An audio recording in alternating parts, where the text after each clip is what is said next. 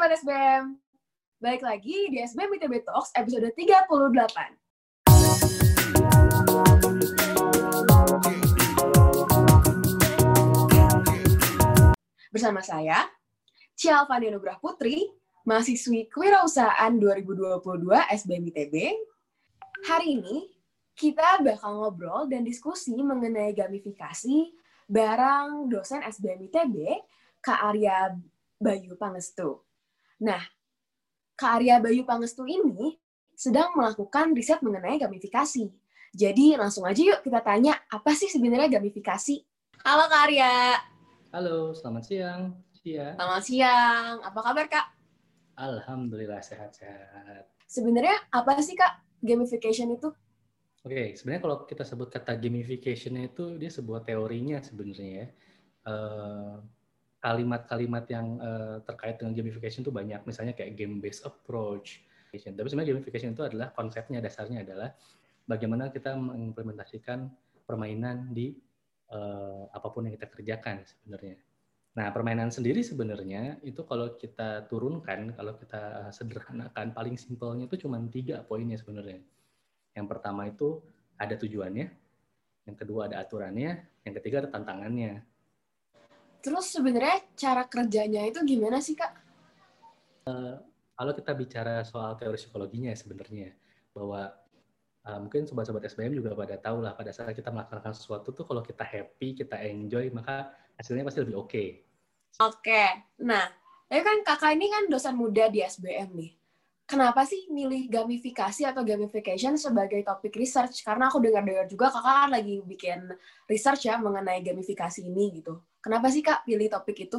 Oke, mungkin kalau bicara soal riset, kenapa saya tertarik dengan gamifikasi, mungkin cerita dulu ke background riset saya sebenarnya. Jadi kalau saya memang uh, bergeraknya di bidang uh, people biasanya. Jadi soal orang lah, soal manusia. Uh, baik uh, community development ataupun juga uh, people in organization. Jadi bisa jadi dalam bisnis, dalam community gitu ya. Uh, tapi akhirnya pada saat melaksanakan riset-riset ini, saya sadar bahwa banyak sekali hal yang perlu approach baru sebenarnya. Saya juga sempat ngobrol uh, dengan beberapa rekan-rekan dosen di SBM juga, begitupun rekan-rekan dosen di tempat lain yang memang mendalami psikologi, mereka banyak cerita bahwa untuk menciptakan, uh, untuk membuat orang itu bekerja lebih baik, sekarang udah nggak cukup lagi dengan sekedar cara-cara yang konvensional.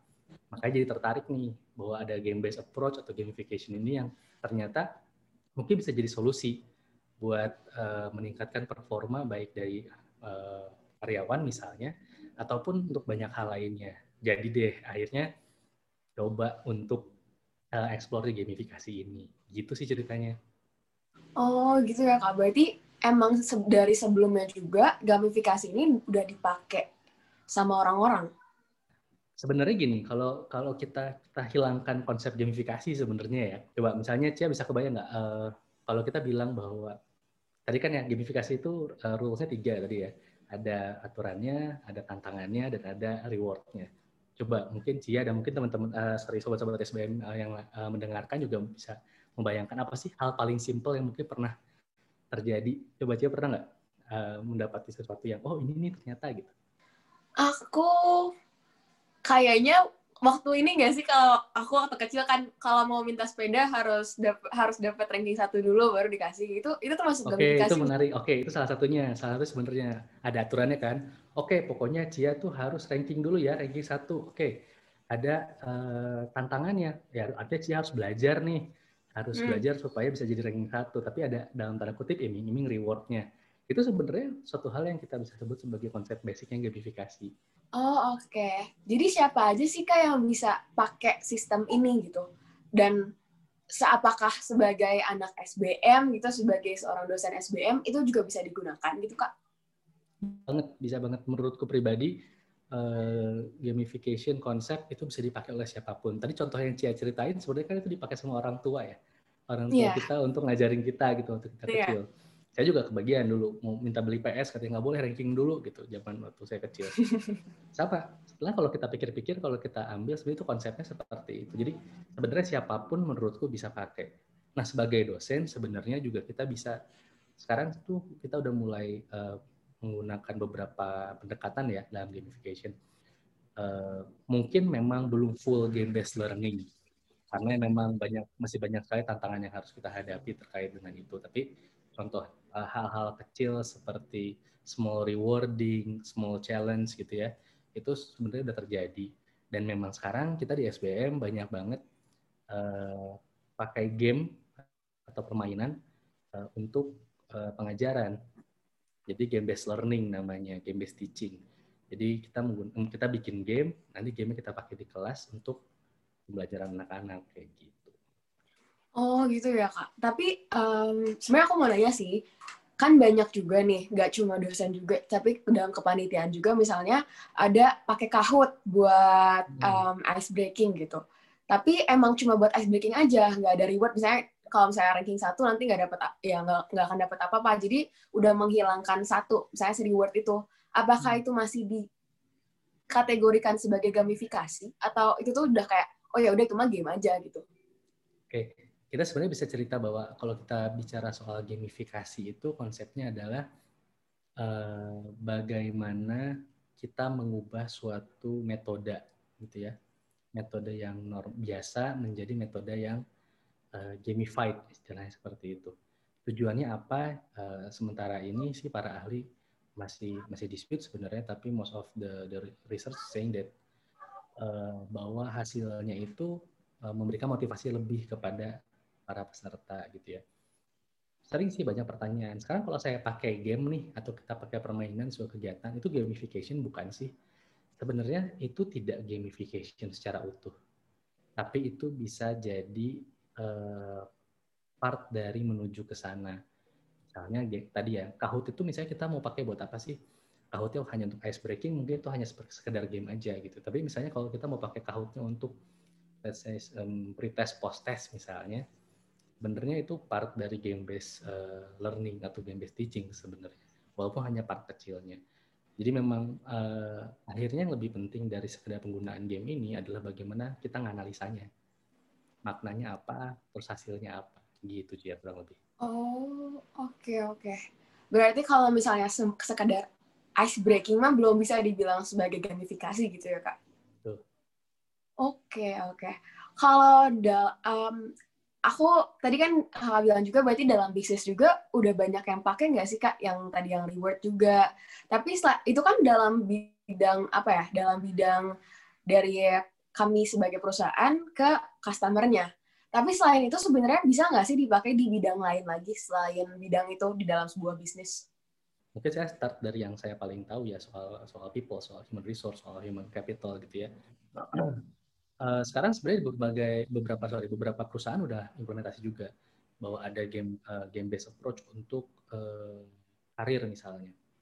Jadi uh, karyawan itu setiap kali uh, dia berkinerja baik maka dia dapat poin. Nanti poin itu dikumpulkan dia boleh uh, ambil courses uh, atau training di perusahaannya dengan bayar pakai poinnya dia hasil training ini nanti hasilnya bisa dia pakai untuk naik jabatan and so on and so forth itu sebenarnya udah gamif uh, udah udah gamification banget. Kita kasih mereka reward reward kecil karena mereka bekerja dengan baik. Tapi kita kasih juga pilihan buat mereka uh, untuk mengembangkan dirinya seperti apa. Ada tantangannya dan ada rulesnya. Jadi sebenarnya itu udah gamification banget. Tapi selain itu sebenarnya banyak banget gitu loh sebenarnya implementasinya. Di marketing juga sangat banyak. Di marketing uh, kalau uh, Cia sering buka ini apa marketplace online online marketplace banyak banget game di sana. Yeah. Iya. Uh, banyak banget yang uh, milestone kayak misalnya kalau kamu sudah belanja sekian maka kamu jadi member gold or something ya kan itu sebenarnya salah satu implementasi gamification membuat kita uh, mau uh, spend lebih banyak ngajak teman kita untuk join gitu. Kadang-kadang mereka kasih kupon, tapi kuponnya harus uh, diklik sama temennya baru aktif gitu ya itu sebenarnya cara-cara uh, dari online marketplace ini untuk meningkatin brand awareness mereka sebenarnya. Sebenarnya susah nggak sih kak untuk beralih dari cara yang konvensional gitu tanpa game untuk jadi um, sistem gamifikasi gitu untuk sebuah bisnis? Oke, okay, sebenarnya kalau kita bicara secara uh, keseluruhan ya, whole sebenarnya memang uh, menantang. Kalau kita memang mau, oh pokoknya semuanya harus game apa game base gitu ya, harus pakai gamifikasi uh, itu sangat menantang sekali sebenarnya karena banyak banget hal yang uh, nantinya harus berubah atau shifting gitu ya tapi uh, kita bisa mulai dengan implementasi hal-hal kecil tadi. Dan yang ternyata hal kecil tadi punya dampak. Saya tadi mungkin bilang ke Cia bisa dari apa marketing yang tadi untuk meningkatkan brand awareness atau sistemnya uh, getting more members misalnya gitu ya. Kalau kamu ajak teman kamu terus teman kamu bertransaksi di online marketplace kita maka kamu dapat voucher sekian misalnya. Uh, itu kan tidak perlu kita nggak perlu mengubah uh, struktur organisasi kita gitu ya secara keseluruhan. Tapi kalau memang kita mau implementasi secara keseluruhan memang sangat berat. Gitu. Oke, berarti kalau secara keseluruhan emang agak sulit dan menantang ya. Cuman kalau cuman bisa dipakai dari skala kecil dulu. Jadi Betul. bertahap berubah gitu ya, Kak? Betul. Oke. Nah, tapi kalau dalam perubahan itu, apakah impact-nya besar buat perusahaannya gitu? Maksudnya, is it worth it buat shifting dari cara konvensional ke cara gamifikasi? Itu itu selalu jadi pertanyaan sebenarnya. Apakah game uh, uh, game based approach secara masif itu suatu hal yang positif atau negatif gitu ya? dan memang sampai saat ini jawabannya belum belum ada yang pasti gitu ya. Uh, ada beberapa perusahaan yang dia secara masif mengubah konsep bisnisnya, konsep organisasinya dan berhasil. Tapi banyak juga yang melakukan hal yang sama dan gagal gitu ya. Makanya uh, pertanyaan is it worth it or not? Sebenarnya uh, kenapa? Karena karena pertanyaan itulah kenapa saya menyarankan start dari hal-hal yang simple. Start dari hal-hal yang kecil. Hmm. Karena begitu begitu kita lihat oh uh, effort kita kecil nih untuk misalnya bikin yang tadi ya um, let's say member get member gitu misalnya uh, effort kita kecil untuk buat itu tapi kita bisa lihat dampaknya kita bisa akses dampaknya. If it's good then continue to the other aspect kan gitu ya konsepnya. Jadi uh, menurutku juga tidak wise untuk sekaligus kita mau implementasi nih semua part uh, sorry semua aspek di bisnis kita mau jadi uh, gamified belum tentu juga bagus buat organisasi kita seperti Oke, Kak. Tapi kan tadi juga disebutkan bahwa ada perusahaan-perusahaan yang gagal dalam yang gagal ketika mengimplementasikan proses gamifikasi ini. Nah, apakah kegagalan itu karena proses gamifikasinya atau karena pasarnya yang belum siap untuk menerima proses itu, Kak? Sebenarnya gini, eh, pada saat kita bicara bahwa gamifikasi secara masif, kita tidak hanya bicara terkait dengan eksternal saja kita tidak hanya bicara terkait dengan bagaimana customer kita menerima uh, perusahaan kita gitu atau produk kita, tapi juga kita bicara tentang internal.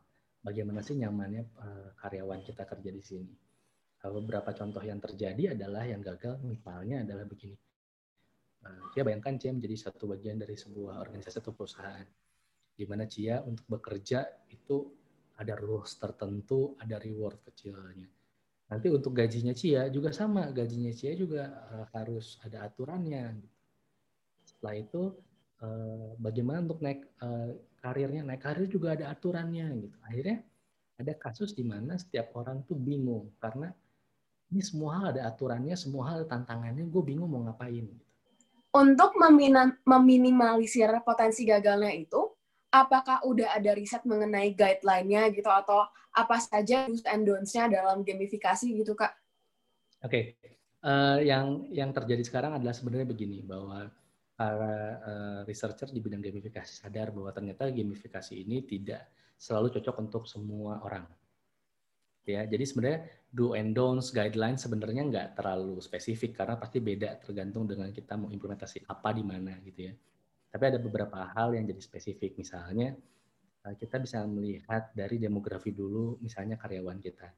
Kalau di perusahaan kita itu masih ada demografi yang memang belum nyaman atau belum bisa bekerja menggunakan gawai terbaru ini, maka mungkin kita bisa uh, menangguhkan dulu gitu ya implementasinya atau kita bisa memberikan pelatihan lebih dulu.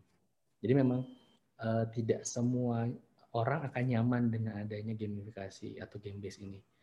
Gitu ya kenapa uh, sekarang banyak sekali riset yang menyatakan bahwa game base ini sering berhasil. Sebenarnya alasan utamanya adalah karena kalau kita lihat demografi pekerja saat ini itu isinya kalau nggak milenial ya Gen Z ya oh. bahkan bahkan uh, teman-teman uh, sudah di posisi uh, akan pensiun gitu sebentar lagi. Yang artinya dan kalau kita melihat gaya gaya uh, bekerjanya gitu ya gaya bekerjanya teman-teman milenial dan Gen Z ini mereka lebih senang environment yang uh, fun, cair gitu ya.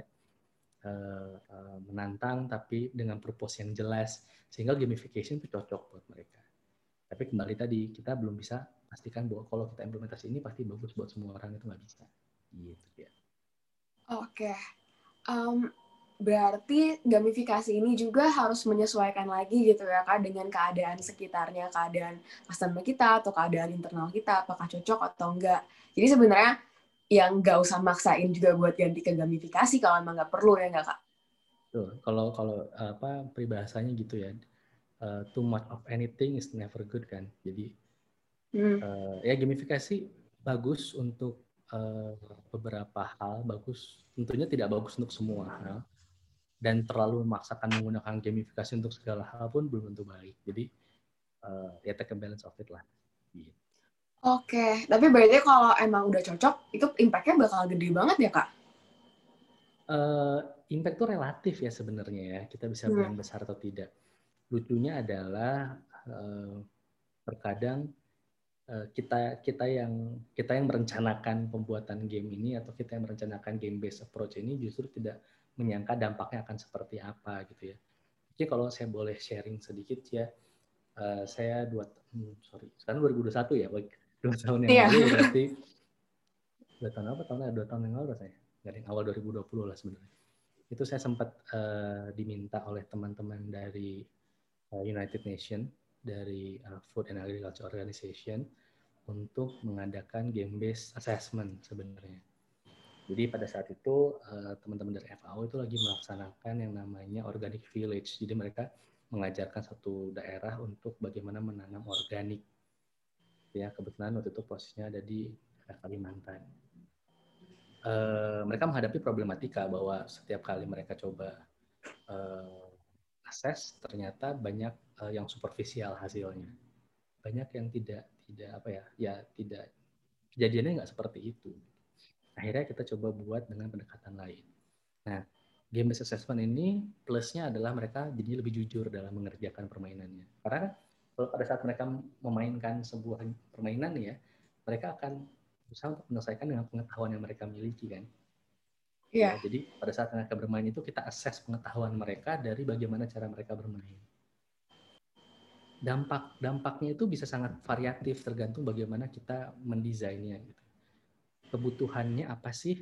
Sehingga dengan game base ini kita bisa memenuhi kebutuhan yang mana sih? Itu yang bisa kita uh, akses sebenarnya. Untuk sebuah perusahaan kapan sih? Kalau misalnya aku mau switch ke gamifikasi apakah lebih baik aku mulai dari awal atau tengah-tengah baru aku ganti setelah aku punya stable um, target pasarnya udah udah eh, pasar kita udah stabil gitu baru kita ganti ke gamifikasi Terus bisa nggak sih kalau misalnya perusahaan kecil juga pakai gamifikasi? Maksudnya kayak tepatnya kapan sih kak buat pakai gamifikasi ini? Apakah gamifikasi bagus kak? Jawabannya menurutku tidak.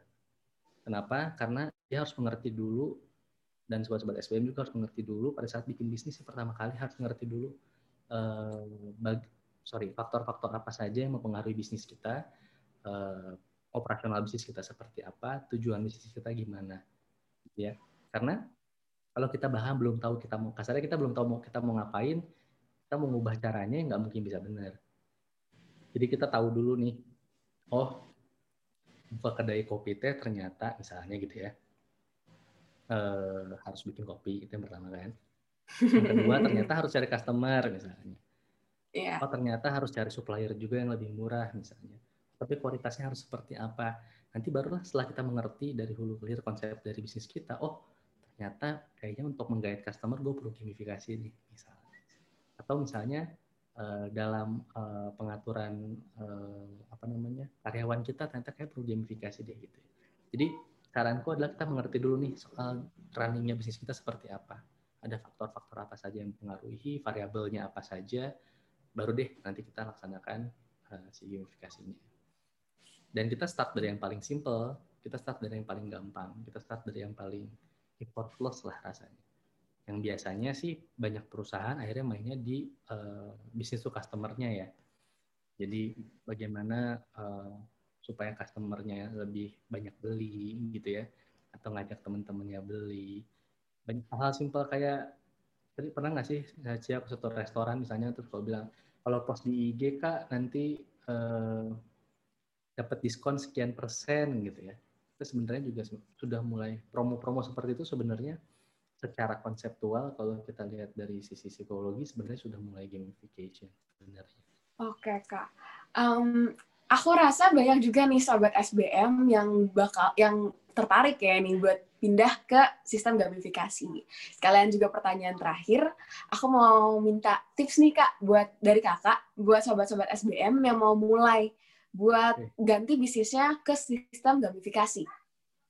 Paling penting kreatif karena kita harus lihat dulu uh, kebutuhan kita apa dan be kreatif with it. Jadi kira-kira oh karena gini ya banyak hal yang banyak hal yang kalau kita ngopi ke orang hmm. tidak selalu pas buat kita walaupun basicnya menurutku teman-teman pada saat uh, implementasi sistem teknologi atau apa pun itu yang paling benar memang uh, adapt adapt gitu ya.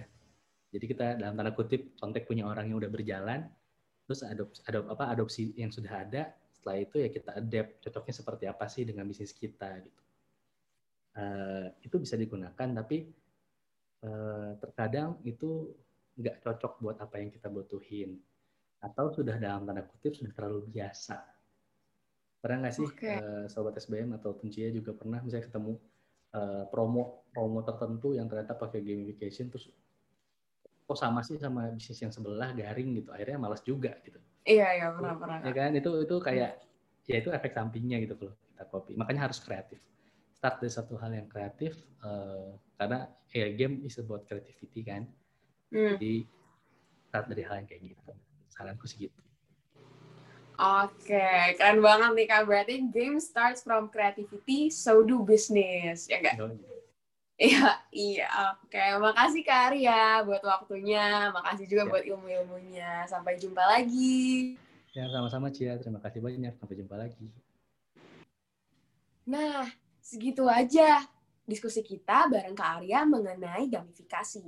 Just like building a game, building a business also needs creativity. Terus saksikan SBM ITB Talks di kanal YouTube SBM ITB dan juga di Spotify SBM ITB.